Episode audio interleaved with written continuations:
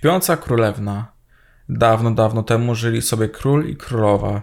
Bardzo chcieli mieć dziecko, ale nie było to dla nich łatwe.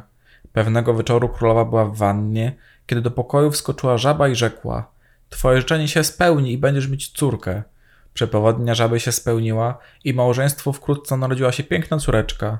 By uczcić jej narodziny, urządzono wielką ucztę i dziecko otrzymało wróżki za matki chrzestne.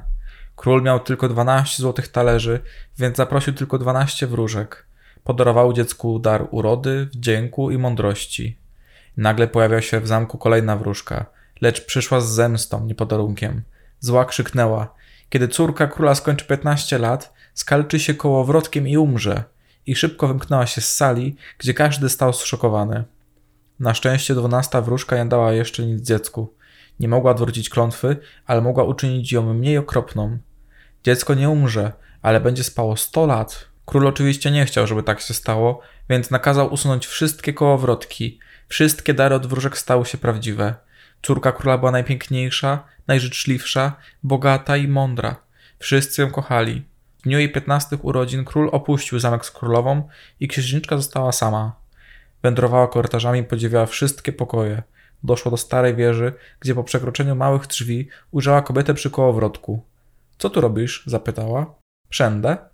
Księżniczce bardzo się to spodobało i zaczęła zbliżać się do kołowrotka. Chciała spróbować sama, ale kiedy tylko dotknęła przyrząd, klątwa zadziałała. Księżniczka zapadła w głęboki sen. Kiedy król powrócił, wziął księżniczkę do najpiękniejszego pokoju i położył ją do łóżka na złotych kocach. Z zaróżowymi policzkami wyglądała jak aniołek. Król nakazał, by jej nikt nie przeszkadzał.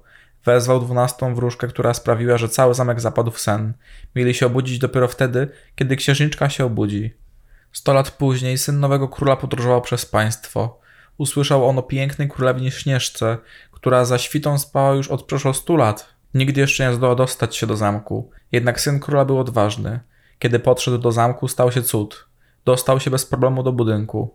Na dworze ujrzał śpiące psy, koty, gołębie i stajennych. W kuchni zobaczył śpiącego kucharza, a pod tronem spali król i królowa. Wszędzie, gdzie szedł, widział śpiących ludzi i zwierzęta. W końcu wszedł do wieży, gdzie ujrzał śpiącą królewnę. Na łóżku leżała najpiękniejsza dziewczyna, jaką kiedykolwiek książę widział. Nie mógł oderwać od niej wzroku i pocałował ją. I wtedy klątwa się złamała i księżniczka się obudziła.